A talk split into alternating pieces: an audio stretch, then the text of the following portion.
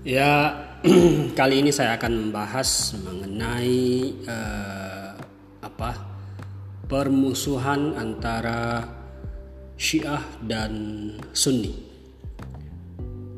Uh, walau sebenarnya itu tidak cocok ya, karena lebih tepatnya kalau disebut permusuhan antara Syiah dan Wahabi.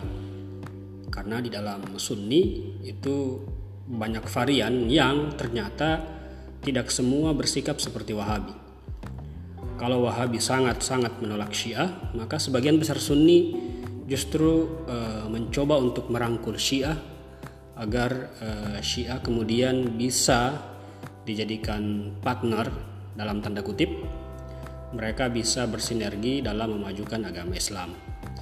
Jadi lebih tepat kalau dikatakan permusuhan antara uh, Syiah dan uh, Wahabi.